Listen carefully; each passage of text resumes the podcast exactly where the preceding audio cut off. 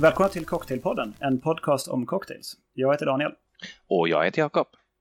Och idag vill jag ganska snabbt visa min, eh, min cocktail här i början. Eh, innan eh, effekten försvinner om man säger. Jag kan hålla upp den här.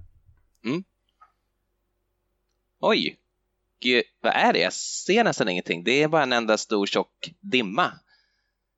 Men ja. det, är, eh, det är en sorts, det ser ut som en sån här som man kan ha en klocka i, en, en glaskupol och så är det, ja, ett glas där inne och så är det liksom massa rök. Då tar vi av den här. Så, där puffar det ut ordentligt. Ja. Då har jag en, eh, en Campfire R&R, alltså Rye och eh, Rom Old Fashioned.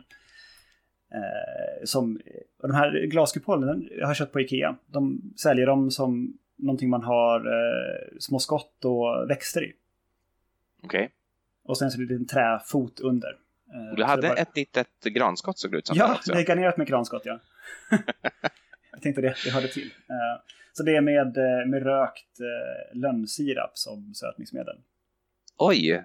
Och, och själva röken då som man, som man såg? Det är både lönnsirap och gran. Eller så är okay. lönn, lönnträ och gran. Som, lönnträ och gran. Som har gjort röken där. Det är bara lagt sådana rökchips på en, en het platta och sen hållit kupolen över. Jag hoppas att eh, du har en bild på det där sen så vi kan visa lyssnarna hur det ser ut. Mm, det ska vi kunna lösa. Super. Men... Eh, Den uppmärksamma lyssnaren kanske anar ett tema där. Exakt. Vi kanske ska avslöja på en gång vad det är vi ska prata om idag. Absolut. Kör på det. Rök. Chocker. Där har vi det. Ja. Eh, rö rökiga smaker, rök och allt som har med rök och dryck att göra kan man väl säga är dagens ämne. Men innan vi kommer in på det ordentligt så skulle jag vilja kolla med dig vad jag alltid vill kolla med dig först av allt, nämligen om du har druckit något spännande som du vill berätta om. Ja, väldigt mycket bourbon fizzes, för det har varit väldigt fint väder och vi har fixat mycket i, i trädgården. Mm. Hur går det egentligen med trädgårdslivet och villalivet? Det går jättedåligt. Det går dåligt, ja. Vi, vi, har, vi har rejält underskattat mängden tid som det tar att få ordning på en, en tomt som är lite satt i förfall. Liksom.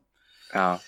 Så vi, vi jobbar och liksom lägger ner en hel arbetsdag på att att få ordning. Och sen tar man några steg tillbaka och tittar vad man har åstadkommit. Och det är nästan ingenting. Det är, så, ja, det är typ en meter av eh, rensad mark i eh, grönsakslandet. Som vi vet att det kommer att vara kirskål på om några dagar. Men är det inte, är det inte ett sånt eh, vackert förfallet eh, trädgård då? Så att eh, det har lite av den här ruinkänslan som var så eftersökt under romantiken? Ja, det finns ju en stengärdsgård. Så ja, det, det. det kan man ju kanske se lite ruinigt i. Men vi hade ju tänkt att odla saker vi kan äta på, på det som är trädgårdslandet. Då. Och det, det får vi kämpa med. Ja, men jag tänkte jag skulle men... ta lite, lite rygg på dig med dina nässlor där och göra likör på kirskålen. För den finns mm. ju överallt. Det gör det verkligen. Jag har funderat på det i år. Jag har inte gjort det dock, så det blir jättespännande att se hur det går för dig. Mm, jag, jag om, kan om, om, det blir Jag tar ditt nässelrecept och sen så kör jag på det. Super. Eh, ja, någonting mer än Bourbon Fizzes som du vill rapportera? Nej, inget särskilt. Jag har forskat mycket inför det här avsnittet, men det kan vi komma tillbaka till under avsnittets gång. Vilka cocktails vi har provat som specifikt har med det här att göra. Yes, det låter rimligt. Jag, eh, jag skulle vilja berätta om en sak som jag har druckit ganska mycket senaste veckan. Och det är en helt egenkomponerad drink. Jag vet inte om du minns valborgsmässoafton för eh, någon månad sedan. Då fick du ett entusiastiskt meddelande från mig i din telefon där det stod jag har uppfunnit en klassiker. Eh, minns du det? Ja, jag förstod aldrig om det var så att du hade hittat en klassiker. Eller om du hade, eh, hade uppfunnit den Eh, på riktigt. Eh, på riktigt. Eh, och det är ju förstås ingen klassiker, men jag tycker att den håller en eh, kvalitet så, som gör att den mycket väl skulle kunna bli en klassiker. Och jag kallar den förstås också då för Valborg eftersom den dels är inspirerad av Valborg och dels uppfanns och konsumerades första gången på Valborgsmässoafton 2018. Jag tänker så här, jag har bott i Uppsala i många år och i Uppsala så är ju Valborg den absolut största högtiden i stan det slår liksom jul och midsommar och alla andra eh, högtider vi har i det här landet. Eh, så jag ville att den också skulle vara lite inspirerad av Uppsala. Och Uppsala och Valborg, det är egentligen eh, jordgubbar, det är punch och det är champagne. Eh, och alla de här tre sakerna ingår förstås i den här drinken. Eh, jag ska berätta nu receptet. Det är 3 centiliter Tequila Rose likör. Känner du till den? Ja, alltså jag, jag har aldrig provat men det är, är det en creamlikör?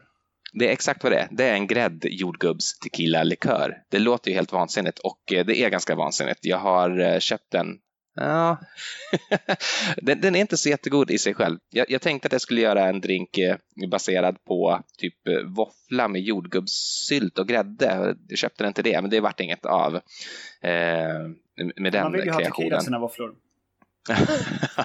ja, men det är det. Det finns ju ingen annan riktig jordgubbslikör som jag känner till på Systembolaget i alla fall. Ja, hur som helst. Eh, 3 centiliter av Tequila Rose, gräddig jordgubbslikör, en och en halv centiliter citron och en centiliter punch. Skaka det med is, häll i ett kopglas och toppa med champagne. Eh, det som händer med det här, eh, det är att eh, citronen och grädden, den har liksom börjat skära sig. Jag vet inte om du känner till den här extremt vidriga drinken Cement Mixer som är citron och Baileys. jag, jag har hittat den i, eh, i Diffords guide där han avråder från att dricka den tror jag.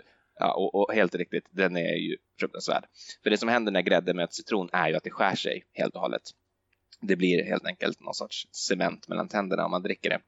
Eh, och det börjar ju hända även i den här. Men, och här kommer liksom det fina, när du häller på iskall champagne, då binds det där ihop igen och det bildar en konsistens som är väldigt lik eh, konsistensen i en Ramos Gin Fizz men utan att behöva skaka som en galning. Så du får liksom en jordgubbssmakande, punschsmakande, syrlig, champagnesmakande Ramos i ditt glas. Eh, ofattbart angenämt. Jag vill verkligen, verkligen rekommendera alla att pröva det här. Jag är, jag är jag är helt chockad över att jag har eh, uppfunnit något så bra. Mm. Eh, Kom ihåg var ni hörde det först, kära Ja. Valborg heter den. Valborg. Eh, men det var det. Det har jag druckit. Men det är inte det jag dricker idag däremot. Ska jag berätta vad min drink för dagen? Eller jag har två rättare sagt, men jag kommer komma in på den andra lite senare. Den första drinken, jag håller upp den här. Den har också en sån här rund isboll i sig, för nu ungefär en och en halv månad efter att jag beställde Eh, såna här runda isbollar till vårt isavsnitt. De kom aldrig då, men nu har de kommit så nu kan jag göra runda iskulor. Eh, och det har jag i det här glaset som innehåller en penicillin cocktail. Ah, trevligt. Mm. Eh, och för de som inte vet vad en penicillin är så är det det är egentligen en, det är en whisky sour med eh, honung som sötma och um, ingefära som smak kan man säga. Och eh, den ska inte innehålla bara vanlig whisky utan också rökig whisky. Och det är därför jag har med den i det här avsnittet då, som ju handlar om rök. Så i mitt fall så har jag en och en halv shot Lagavulin, 16-årig. Eh, en shot, eh, ja vad heter den då, Glenn någonting. en, en vanlig single malt helt enkelt. En helt vanlig Glenn eh, whisky. Ja, en och en halv shot eh, citronjuice och eh, sen så, jag har baserat det här på Diffords recept, men han, han eh, rekommenderar att man ska ha ingefärslikör, vilket inte är så lätt att få tag på i Sverige. Så jag har köpt någon sorts ingefärsshot, heter det, som görs av det här svenska juiceföretaget Rynkeby. Eh, jag vet inte om ni har dem i Göteborg, men de har en del produkter i Stockholm i alla fall. Eh, så jag har blandat Rynkebys ingefärsshot med honung och eh, har haft sammantaget ett, en shot av det, det vill säga en och en halv centiliter.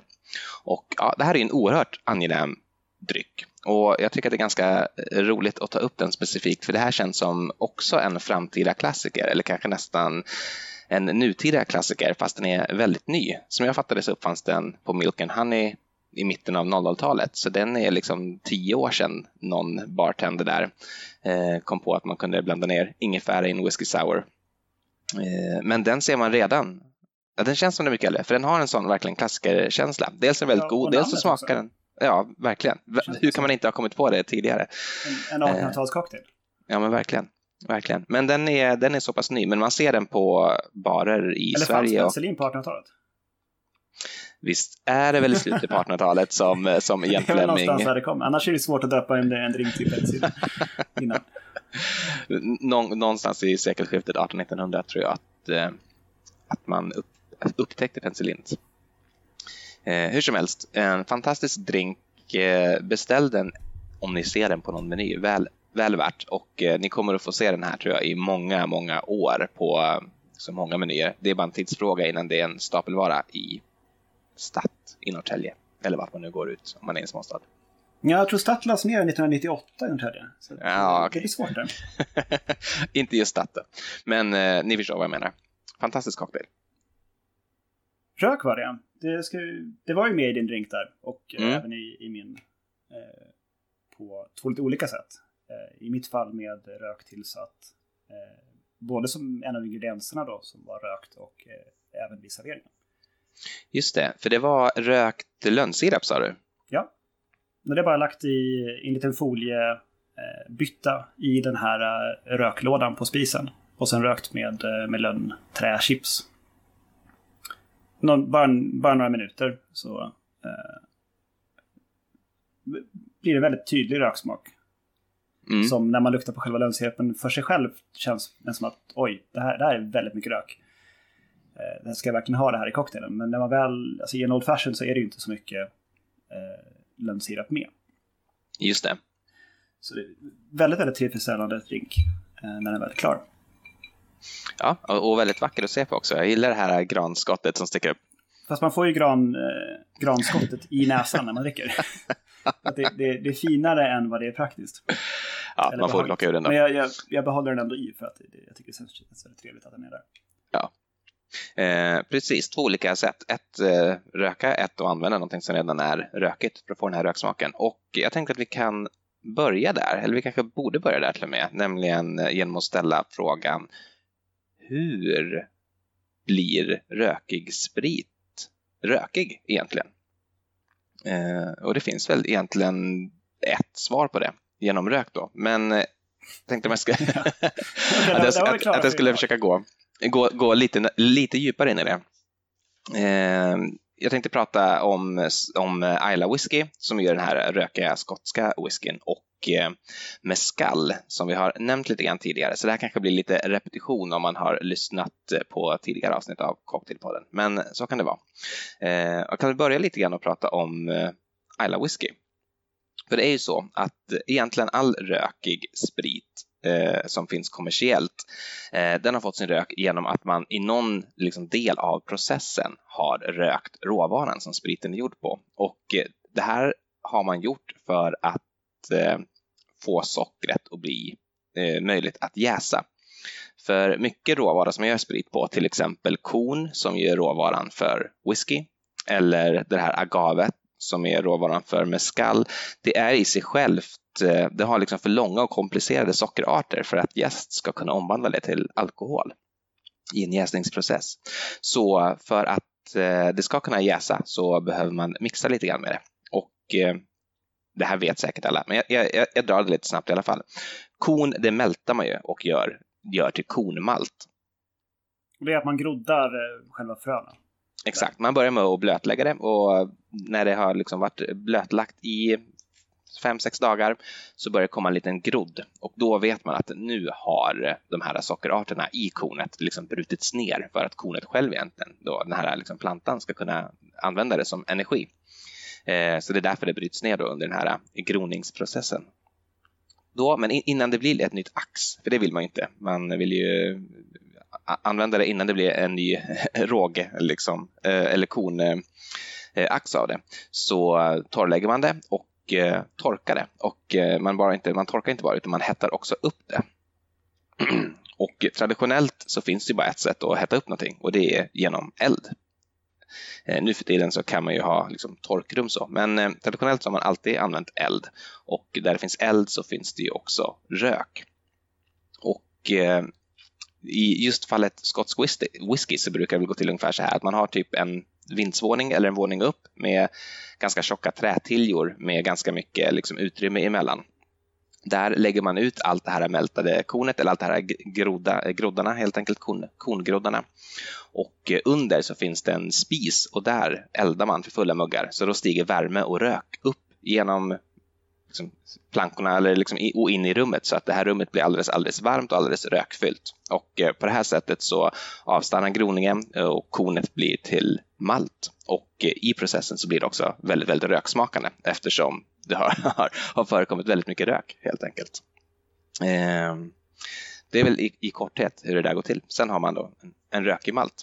Den eh, blandar man med vatten, eller man krossar, blandar med vatten, eh, låter den jäsa och sen så destillerar man eh, den, den liksom öl, eller vad man ska kalla det för, som blir av, eh, av den här malten. Då. Det är väl i, korthet hur whisky går till. Ja, sen lagar man den, och naturligtvis minst tre år för att det ska få kallas whisky. Eh, så där har ni ungefär processen. Och röken kommer alltså från när man torkar malten, eller rättare sagt när man gör malt av korn. Och då eldar man torv? Då eldar man torv, precis. För det är ju så, jag vet inte eh, om du håller med, men man kan ju direkt känna att någonting är rökigt eller någonting smakar rök. Men att säga att någonting smakar rök, det är som att säga nästan att någonting smakar frukt. Det finns många olika sorters röksmaker. Exakt. Eh... Det finns en whisky från Tyskland som heter Glenells där man eh, istället för torv, för man har ingen torv i, i Schwarzwald där mm. vi gör den whiskyn. Så då använder man eh, något träslag istället för att elda med. Så man får eh, mer av en, alltså de kallar det för nog för campfire någonting också. Mm. Eh, för att man får en, eh, en rökig ton som inte kommer direkt från, eh, från torv. Just det. Jag, jag, skulle kunna tänka mig att det är bokved som man har till det, för det är ganska vanligt i Tyskland. Eh, jag vet inte om du minns den här rökölen, Echt Schlerenka. Som, den som smakar lite grann som korvspad. Exakt, exakt den. Eh, den har man ju då använt rökmalt då som är rökt med bokved till exempel. Så om man tycker att något smakar korv, då, kan man, då vet man att det nästan säkert är bokved. Eh, så det är ju ett exempel på hur, hur rök kan smaka. Och det smakar ju radikalt annorlunda än en rökig whisky. Det har ju en helt annan, en helt annan rökighet och även en mescal har ju en helt annan rökighet än någon av de här två. Eh, det som är speciellt egentligen med Ayla torv är att Eh, på den här ön utanför det skotska fastlandet så har det i princip aldrig varit skog, utan det har alltid varit ängsmark och gräsmark. Så eh, torven, det är ju liksom gammalt gräs som pressas neråt, eller gammal liksom växtlighet som pressas neråt och sen så liksom inte förmultnar för att det är syrefattigt. Eh, ja, så det är det ligger kvar där. en sjö som växer igen och blir syrefattig miljö. Ja, men så kan det nog vara. Att det, det är gamla, sjö, gamla träskmarker som över århundradena blir torv. Så, så det har du säkert alldeles 100% rätt i. Poängen är i alla fall att det inte har multnat eh, och blivit jord utan det har eh, bevarats i någon form. Men eh, som jag förstått det på det skotska fastlandet är torven träbaserad så att även om du skulle försöka göra en, en rökig whisky där så skulle den smaka helt annorlunda än Isla whiskyn därför att då kommer torven att ha trä, alltså ved och inte eh, gräs och örter och, och den typen av material som dominerar på Isla i torven där. Eh, när jag satt och gjorde lite research inför det här avsnittet så råkade jag förresten på kul se att Lafroig, Eh, det kanske mest berömda av eh, Ayla distillerierna, de har faktiskt en liten annan process när de får sin malt att smaka rök, för de gör det här i två steg. De kallröker mal, liksom malten allra, allra först och låter den ligga liksom i kall rök i ett par dagar. Eh, och sen efter det så värmer de upp den utan rök medan alla andra destillerier och eh, alla andra tillverkare om allt vad jag vet överhuvudtaget liksom låter det här eh, röken och värmen komma samtidigt. Eh, enligt dem så ska det då bli en helt annan smakprofil på grund eller genom detta och eh, jag vet inte om det stämmer riktigt. Jag köpte en flaska Lafroig nu i veckan också bara för att se om jag tyckte att det var annorlunda än min Lagavulin. Och de smakar ju, de smakar förvisso annorlunda. Jag tycker Lafroigen är betydligt liksom jordigare i smaken på något vis. Eh, men om det beror på den här tillverkningsprocessen eller någonting annat, det vet jag faktiskt inte. Har du någon åsikt i frågan? Jag, jag, jag gillar ju Lafroig. Mm. Lagavulin vet jag inte om jag har druckit någon gång faktiskt. Men Artbag eh, är väl också en Islay? Ja, det är det. Och den är ju tydligt rökig. Jag minns inte om jag reagerat på att det är annorlunda mot Lafroig. Eh, en annan typ av rökighet. Jag, jag är den egna att jag, jag gillar ju inte whisky som inte är rökig. Jag tycker det bara smakar sprit och äh, inte, inte behagligt.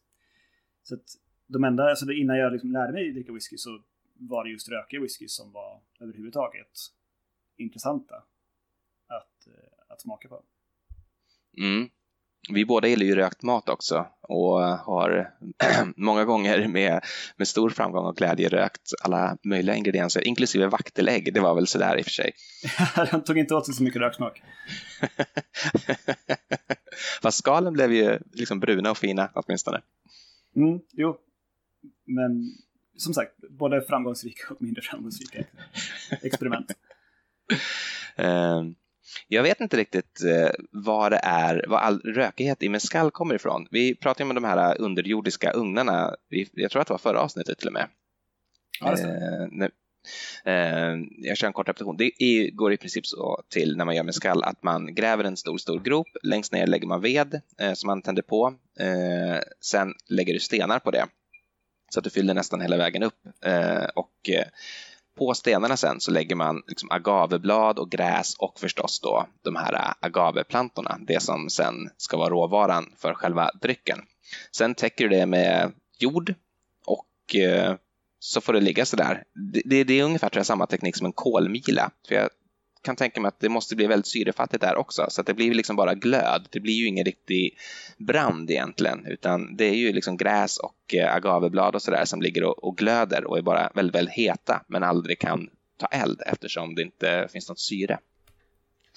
Eh, men hur som helst, när det är klart så liksom, så tar man ut de här plantorna som ser ut som, jag tror att om de skulle göras i Sverige idag, i alla fall på Södermalm, så skulle man kalla det för pulled agave. För det är precis, så okay. det ser ut. Och det är precis den konsistensen det har. Det är liksom lite trådigt men väldigt, väldigt mört och mjukt och fint. Och tydligen så säljs de där också på marknader liksom direkt. Eh, som så man kan äta agaven? Så man kan äta agaven direkt, ja, precis. Men, så, men man tillagar helt enkelt agaven? då, får man, då bryter man ner sockerarterna till någonting som går att jäsa genom att det tillagas under längre tid. Precis så är det. Eh, precis så. Eh, det hjälps också till tror jag. Det finns, jag vet inte om du har sett på någon film eller sådär. De har ju en väldigt rolig kvarn för att mala de här sen. Eh, som är en, en sån stenkvarn som dras av en häst. Ett kvarnhjul som dras av en häst.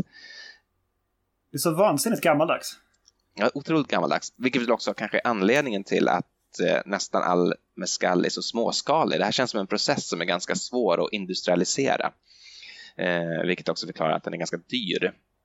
Men det kanske man kan ta, för det är ju ganska roligt att det får gå till på det sättet fortfarande, kan jag tycka.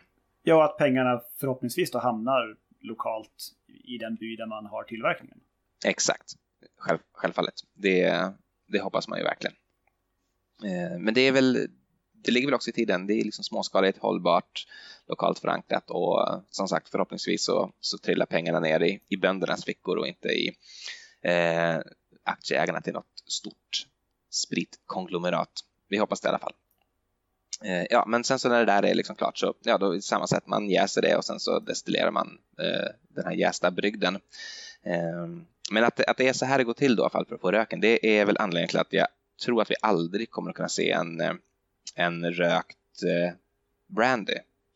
För eh, du behöver ju inte liksom preparera druvorna på något speciellt sätt med eh, värme för att få dem att börja jäsa. Eh, vin kan man ju göra på kalla druvor så att säga. Eh, så det tror jag inte vi kommer att se. Eller vad, vad tror du? Ja, det är bara om man tillsätter det då. Man kallröker druvorna av enkom för att få till en rökig smak på, på branden. Men jag jag är skeptisk, jag tror inte man kommer att göra det. Jag tror inte det. Kanske sådant experiment någon gång, men det kommer liksom aldrig kunna bli en sån. Eh, det, det är liksom inte förankrat i processen, i tillverkningsprocessen, så jag har svårt att se hur man skulle kunna sälja in det. Men vem vet? Men du är ju pigg på lite experiment och sånt, Jakob. Ja, eh, ja men precis. Det kanske vi lite, lite sömlöst kan glida in i det andra sättet att få rök i sin dryck då. Eh, när, vi ändå, när, när vi ändå för det på tal. För precis som du har gjort med din lönnsirap där så kan man ju också röka saker i efterhand och på så sätt eh, få det att smaka rök. Det har jag gjort en del i veckan. Ska jag dra det kanske? Ja, ta, ta det som har funkat och det som inte har funkat. Mm, jag, kan, jag kan egentligen, eh, ja, jag, jag berättar vad jag har gjort. Jag har, jag har rökt fyra sorters sprit och jag har också använt en sån här liten röklåda på spisen. Jag har märkt att min har börjat läcka lite grann så det luktade sen rök i lägenheten i två dygn efteråt. Men... Eh, det, det, går att nypa åt locket lite grann eh, så tätar den lite bättre. Eller så får man sätta folie runt. Det ska jag göra nästa gång kan jag säga. det var lite av ett misstag. Jag gillar i och för sig att komma hem och det, det doftar fortfarande rök dagen efter. Det är ju mysigt i och för sig, det är lite campfire sådär. Eh, jag kan säga att jag, jag använde en, eh, en blandning av alspån och ek. Och al är väl kanske den rök, ger den röksmak som de flesta förknippar med rökt mat. Eh, jag tänker om man köper en rökt lax eller rökig strömming så är det nog nästan alltid al som det är rökt med. Så det är den här klassiska, egentligen svenska rökigheten. Eh, så alspån och lite ek.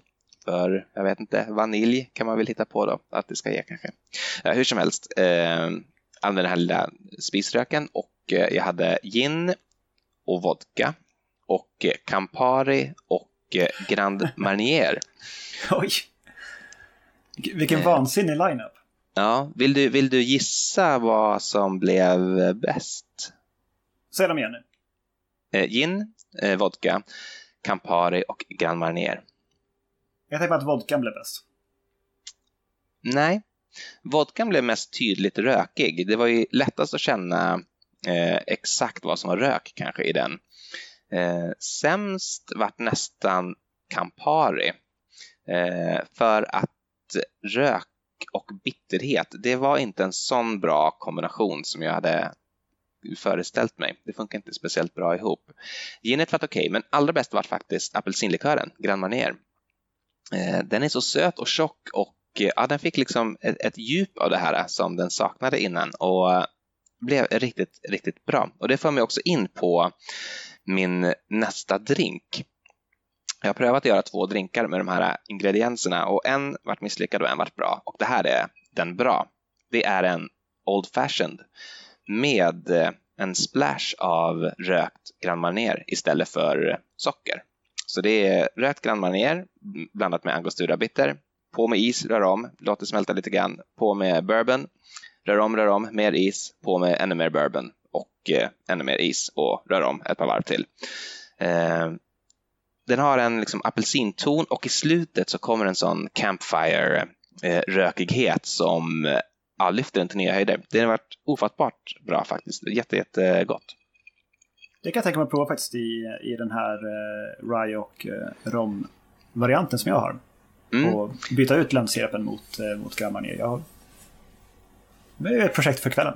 Ja, det är jättekul. Jag tycker att den påminner om en bacon old fashion som vi pratade om i frukostavsnittet. Men för det första eh, nästan, eh, nästan godare faktiskt. Och eh, framförallt är den ju vegansk så att eh, vem som helst kan ju dricka den med gott samvete. Eh, det jag också prövade som inte alls varit lika bra, det var en, jag kallar för en double smoked negroni. Så det var alltså rökt gin, eh, vanlig vermouth och eh, rökt Campari i lika proportioner. Och det här vart så rökigt så ögonen tårades. Det var, det var helt enkelt för mycket rök. Det var inte gott. Så min lärdom av det här är väl att rök kan vara en fantastisk ingrediens men den bör eh, användas med måtta. Det är en krydda, det är liksom inte potatis utan det är saltet. Mm. Mm. Vad säger du? Ja, jag, jag gillar att du har gjort försök med det där och också att du till slut har fått användning för den här röklådan. Ja, jag har faktiskt rökt lite lax och tomatos där i en tidigare. Det är inte första gången jag använder den. Och jag hade den också när jag gjorde klar is om du minns. Just det. Har du gjort något mer klar is än dess? Uh, nej, jag har, uh, jag har dock uh, till isavsnittet som vi hade för ett par veckor sedan så bad du mig ganska långt innan att beställa såna här formar för att göra isbollar. De kom aldrig och de kom aldrig, de kom aldrig. Och till slut i, för några dagar sedan bara så fick jag ett argt meddelande från posten där det står du har inte hämtat dina isbollar. Nu skickar vi snart tillbaka dem. Så de hade kommit då, men inte aviserats. Eh, så jag gick och hämtade dem och idag har jag hållit på och lekt med dem och gjort eh, såna här iskulor med, eh, som är ihåliga. Men har du testat att fylla dem med rök då? De Nej, jag har inte gjort det. Jag, jag har gjort dem... jag, jag, jag, jag, tänkte göra det till det här avsnittet, men jag, jag hann tyvärr inte. men det var någonting som vi pratade om att man skulle pröva. Eh, men det ska jag också, det kanske jag också hinner göra ikväll då, efter det här helt enkelt. jag har försökt faktiskt med det eh, mm. inför det här avsnittet och det, det, det, går alldeles utmärkt att få in röken i eh, glas, eller så här, i, eh, i iskupolen. Mm. Men sen så, så, lägger man ju då i den i en färdig eh, cocktail i ett glas. Mm. Sen det svåra är att med den här lilla hammaren slå sönder issfären. I och med att den flyter lite lätt på ja, just det drinken. Så liksom det skvätter drink ut ur glaset eller så snurrar den till när man slår på den. och, och har sig. Så det har varit väldigt, väldigt svårt. Jag försökte göra en liten filmsnutt där man ser hur den går sönder, men det har varit omöjligt. det har bara blivit dåligt alltihopa. Eh, jag kan ge ett tips förresten. Vi pratade om hur man, hur man gör hål i dem på bäst sätt. Och eh, jag har en sån här ishacka, just en sån ishacka som jag vet att du också har. Jag har hettat upp den med en sån här liten, du vet, crème brûlée-brännare och liksom mm. hettat upp den ganska långt upp på skaftet så att den inte bara är på spetsen utan liksom hela det här är väldigt, väldigt hett. Då har man liksom bara kunnat trycka den, för först är det en smal spets och sen så liksom vidgar den hålet automatiskt och liksom på ett mjukt sätt som gör att den inte spricker. Funkar väldigt bra. Det är ett tips om man vill ha ett hål stort nog, precis stort nog för ett sugrör så man kan enkelt suga upp den här eh, ofrysta vattnet in också för att få dem liksom tomma och ihåliga och bra. Och med ett litet vackert hål bara. Snitsigt. Mm. Var var vi någonstans? Vi, vi hade antingen röker spriten eller så röker man spriten efteråt eller röker någon av de andra ingredienserna som går i cocktailen. Och sen så har vi varit inne i de här med isbollarna då, att man tillsätter rök till den färdiga cocktailen också. Exakt. Som den här med att man har rökkupol eh, eller på något annat vis innesluter drinken i rök innan den serveras. Exakt. Eh, det finns ju också andra sätt att få röka, för det finns ju annat än sprit som är rökigt. Eh, en ingrediens som förekommer förvånansvärt lite är ju Lapsangte. Som ju är väldigt gott i sig självt men också väldigt gott som en cocktailingrediens. Eh, jag kan faktiskt bara på rak arm komma på en enda cocktail som jag vet innehåller lapsang-te och det är Breakfast Club. Jag kan se om jag kan slå upp den i Diffords som jag har med mig. Ett ögonblick så ska jag säga vad den innehåller.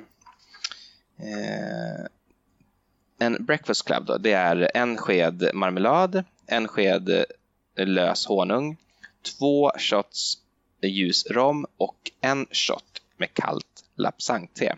Det här ska eh, först röras ut med marmeladen i rommen och sen så skaka resten av ingredienserna och sila till ett martiniglas. Eh, väldigt god, rökig, söt, härlig, apelsinig eh, cocktail som jag också varmt kan rekommendera. Kan lägga ut recept sen på den också på sociala medier. Kan vi se hur den ser ut, om ni inte hann få med det nu. Mm. Sen kom jag på en sak till också som är, mm. jag vet att Tweed gör i Stockholm. Det är att man, man löser upp någonting som i sig är rökigt i spriten. Och det de har det är sådana här eh, kärpastiller från, eh, från Finlandsfärgerna. Just det, Leona. Leona Terva.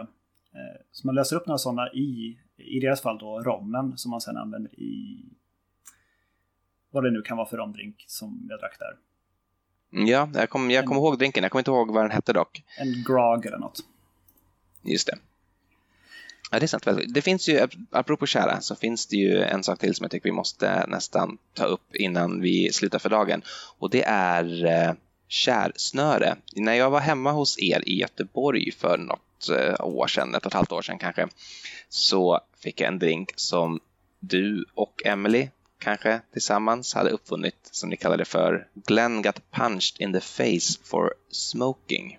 Och eh, jag reagerade på den, ett för att den var så god och två för att den var så rökig och tre för att den inte innehöll någonting som smakade rök. Du kan väl, eh, kan inte du berätta om den? Ja, det, det är en, en samproduktion här från, från mig och Emily. Och då, då, att den heter Glenn Got Punched, det är ju för att den innehåller whisky som heter någonting med Glenn. Så valfri, eh, valfri whisky som har Glenn i namnet. Mm. En som, som inte ska vara rökig helt enkelt. Och det är de väl ofta inte om de är från Speyside. Nej. Då är de orökiga. Precis. Um, och eh, sen eh, så två delar whisky och mellan en fjärdedels till en halvdel svensk punch som sötman då. Så rör man den och i med en skvätt bitters. Och sen upp i ett glas. Och sen knyter man eh, kärsnöre runt foten på glaset. Kan gärna också gnugga själva glaset lite grann med kärsnöret innan. Och kärsnöre det är sånt här dekorativt snöre som man kan köpa på båtbutiker och nautisk dekor och sånt som, som doftar väldigt, väldigt eh, kärigt och mysigt på sitt sätt. Och ja, det är som sagt, då är det ingen kära, eller röksmak alls i själva drinken, men när man dricker den så uppfattar man den som rökig. Mm. Jag tycker det här är så eh, intressant. På engelska så pratar man om taste och smell, men också om flavor som ju är en kombination av de här två. Och jag vet inte om vi har något riktigt motsvarande ord på svenska, men det här är ju ett så bra exempel för den är ju inte, den har, den har inget rök liksom i sin taste, men i flavor, när du dricker den, så är den ju tydligt rökig, den här Glen Gut Punch. Kan inte du, kan inte du ta en bild på en och... Eh, det har jag redan gjort inför det här avsnittet. Ja, du har det. Men fantastiskt, mm. vad bra. Kul. Jag tänker att då är kärsnöret är en ingrediens i, i stort ja. För att det går inte att göra den drycken utan. Då blir det ju det blir någon form av Old Fashioned sötad med punch. Ja, vilket förvisso kan vara... Nej, nej. uh, inte alls dumt, men det är inte en Glenn Got Punched in the face. Det är det inte. Um, sen har jag uh, varit i kontakt med uh, vår favoritbartender från Hiding in Plain Sight i Amsterdam från den tiden då, då vi var där och bodde där och ofta gick till dem. Som fanns då på den tiden som hette Cohiba Lanceros. Mm. Som jag inte kommer, eller inte kom ihåg hur man gör, eller visste vad som var i den. Men eh, då är det eh, en centiliter eh, rökig eh, skotte. Eh, en centiliter Grand Marnier. En sexa med lagrad rom. De använder eh, Zacapa. Och sen eh, två centiliter av Pinot de Carent som är ett eh, förstärkt vin. Ett franskt vin med, med konjak och de vie i. Och sen serveras det i en stor konjakskupa som man har fyllt med rök från rosmarin. Och när, nu när jag fick tag i receptet så ville jag förstås göra den här men eh, någon Pinot de Carent har jag inte hemma. Mm. och jag vet inte riktigt heller vad det ska, om jag kunde ersätta det med någonting annat. Mm. Eh, det ska ju vara någonstans 20-procentigt ungefär vin då med, med sprit i. Men jag vet inte hur det smakar, men det går inte liksom bara själv förstärka ett vin med eh, konjak eller någonting liknande. Mm, ja, men det finns på, på beställningssortimentet på Systembolaget så jag ska beställa hem och eh, prova den här fantastiska drycken.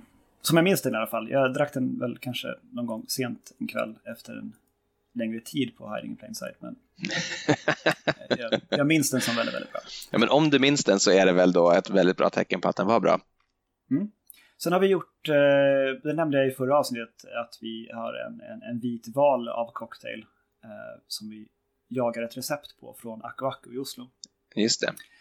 Och eh, jag har inte kommit på exakt hur den ska vara gjord, men jag har gjort en kortare version av den som inte serveras i, i tiki-mugg eh, eller liksom överkrossad is, utan som är en eh, som man serverar i ett glas utan, utan is. En, en cocktailglas helt enkelt. Mm. Som jag kallar för en almost Smokey Robinson från Aku Aku. Smokish Robinson. Ja, men typ. Och då är det två delar Lafroig PX, en halv del citron, en halv del lime och sen en halv del passionsfruktsirap och sen några stänk med chipotle-sås. För det vet jag att han hade i. Alltså Okej, men vad är det? Alltså vilken, eh, alltså, vilken tillverkare? Som tabasco chipotle-sås eller? Eh? Antingen det eller Cholula. Jag minns inte vad. Det var någon sån flaska som man känner igen. Okej. Och sen garnerar det med, eh, med mynta i glaset. Det finns andra, har jag också kollat på, det finns andra cocktails som heter Smokey Robinson. Mm. Men som, då är de bourbonbaserade och inte alls tiki cocktails. Så det är någonting annat. Så att eh, den kan jag också lägga upp bild och eh, recept på. För den som mm, vill prova vår eh, inte riktigt rätt cocktail. men, men, men, gott nog, den, den, den blev bra gissar jag. Ja, det är väldigt, väldigt gott. Man mm. får en tydlig eh, chili-smak från eh, den här chipotle-såsen mm. och man får väldigt mycket rök från lafroigen. Super. Mm. Sen har jag ett, ett gammalt projekt som jag höll på med eh, som var S'mores Old Fashioned. Och s'mores det är en sån här amerikansk eh, snacks som man har vid lägerelden. Där man eh, smälter, eller eldar marshmallows. Grillar okay. marshmallows och så serverar man dem på Grahams kex med choklad på. Mm. Så då hade jag någon idé och eh, också googlade på det. det var, jag var inte ensam om den idén. att man gör en, en, en Old Fashioned och jag gjorde den med lönnsirap och chokladbitters. Mm. Och sen så serverade jag den med eh, några rykande trä, marshmallowbitar i en liten skål bredvid.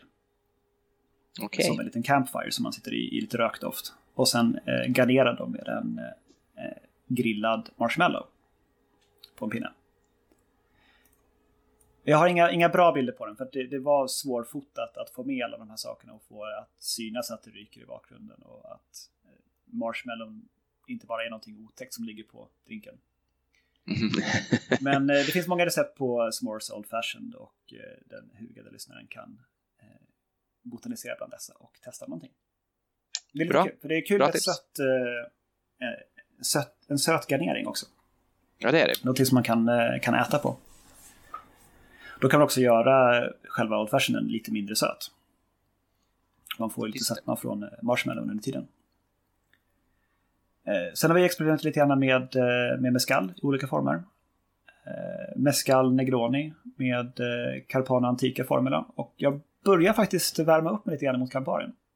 Det gör det, vad roligt. Mm. Vad roligt att höra. Jag, jag, ser poängen. Det är, ju, det är ju gott alltså. Ja, men jag tror också att jag bytte ut eh, vanlig eh, Martini Rosso mot Carpana Antica Formula som är lite sötare. Också väldigt mycket mer kryddig och lite så här, nästan lite salt i smaken. Ja, den är nästan lite, den är bittrare än vanlig Martino Rosso också skulle jag säga. Men det är väl liksom kryddorna, den känns ju, alltså både bittra kryddor och, och, och örtiga kryddor. Mm, jag tycker det är fantastiskt. Jag, jag håller på att gå igenom eh, en efter en alla drinkar som jag har eh, Martini Rosso i, vanliga fall och testa dem med Antika Formula. Och eh, det är fantastiskt. Det är en väldigt, väldigt trevlig eh, eh, vermouth att testa med. Medhålles. Och sen var vi inne lite grann på, vi hittade en drink som heter Division Bell av samma kar som gav oss Final Ward, alltså den eh, som är en spin-off från Last Word. Just det, Phil Ward heter den va? Ja, någonting Ward i alla fall. Ja. Det heter karn. Eh, och då är det mescal, Aperol, maraschino och lime som skakas och garneras med apelsinzest. Då tänkte vi att i och med att han i sin Final Ward, som är en bourbon-version med citron istället för lime av eh, Last Words, tänkte vi att vi testar och gör en, en Bourbon Bell istället för en Division Bell. För mm. man spinner hans spin tillbaka på något vis. Och det var väldigt, väldigt gott med bourbon istället för mescal. All, allt annat lika. Eh, så en del sprit i bourbon eller mescal, en tre fjärdedels del Aperol och en halv del maraschino och sen en tre fjärdedels del med citrus. Och väldigt, väldigt vackra drinkar också. I och med att mm. äh, Aperolen blir så härligt orangeig. Ja, den är bildskön, det är den. Det tror jag är också förklaringen, eller en av förklaringarna till att Aperol Spritz har blivit allas favoritspritz. Den är ju skön att se på och den är god att dricka också. Ja. Uh, har vi... Nu ska vi se, jag tror vi har gått igenom så gott som alla sätt att få in rök. Eh, rökiga spritar. I tidigare avsnitt yeah. så nämnde vi rökt is. Eh, yeah. en, en ovanlig variant som man kanske inte ser speciellt ofta. Eh, det är som att gå över ån efter vatten på något vis och röka isen och sen ha i den. Man kan göra på annat vis. Man kan mm. röka själva spriten som, som du gjorde för att testa. Eller någon Just annan det. del, eh, sirap eller liknande. Man kan lösa upp eh, kärpastiller i, i spriten. Ja, man kan ha rykande bitar av trä eller kryddor som garnering. Mm. Som kommer in med drinken. Och där var ju... Det var väl på Nightjar där de hade bränd kokos kring någon drink. Som både doftade ja. fruktansvärt och om man vågade sig på att smaka på ett bränt kokoschips. Så det var vansinnigt äckligt. Det var verkligen, det är nog min enda negativa upplevelse på Nightjar. Det var verkligen eh, Fruktansvärt. Man fick ju en smak i munnen som inte gick bort. Nej, den satt kvar sen hela kvällen ja. Så stay away från bränd kokos alltså. Fy fan. Ja, cocktailpodden säger nej tack. Ja. um, man kan också röka själva glaset innan man häller i sin cocktail. Och okay. det är en, en, väldigt subtil rökdoft bara. Mm. I, eh, I själva glasets yta. Så då kan man hålla det över en, en källa till rök. Sen kan man också eh, ta en, en färdig skakad eller rörd cocktail och eh, hälla på den i en flaska som man tidigare har fyllt med rök. Och röken håller sig ganska länge i en flaska, så man fyller flaskan med rök genom en, en tratt eller så, eller med en smoking gun rökapparat. Så kan man sätta på en kork och sen kan den stå där medan man gör sin cocktail. Och sen häller man cocktailen rakt ner i flaskan och sen så låter man den, ja, man skakar runt den lite grann eller vänder runt i röken och då tar cocktailen på sig en del av rökdoften. Mm, ja, det är smart. På rätt kort tid. Och sen kärsnöret då som en, eh, också en rökdoftande eh, garnering. Kommer du på något mer sätt man kan få in rök i sin cocktail? Jag, jag tycker inte att vi behöver något mer. Jag tycker att det är, det är mer än nog det vi har gett lyssnarna. Så uh, jag är kanonnöjd. Så även jag. Jag tycker det har varit ett uh, rykande trevligt avsnitt. ja, är det dags att gå upp i rök nu? och där och där säger vi tack och skål. Vi finns på Cocktailpodden på de flesta sociala medier och även på Gmail som cocktailpodden.gmail.com dit ni gärna får skicka eh, bu eller bä på det vi håller på med. Eh, en liten shoutout till Jakob här i Göteborg eh, som är en trogen lyssnare och som har irriterat sig på ljudet då han mm. försöker lyssna på vår podcast eh, i bilen på vägen till och från jobbet. Så han var här eh, hemma hos mig och eh, lämnade av en mikrofon och ett litet mixerbord. Som eh, vi, det återstår väl helt enkelt att se från det här avsnittet om det varit bättre eller sämre på min ände. Eh, och är det så att det, det, funkar bra då får vi väl införskaffa sådana här mikrofoner. Ja. Och är det å andra sidan dåligt så då är det ju alltihopa Jakobs fel. Exakt. Nej men det är väl ett löfte. Vi, eh, vi, vi skyller på Jakob om det blir om det blir dåligt. Annars så tar vi på oss äran och, genom att liksom skaffa skaffa bättre grejer så att folk kan höra oss även i bilen. Exakt. Kanon. Skål och tack Bra. för idag. Skål!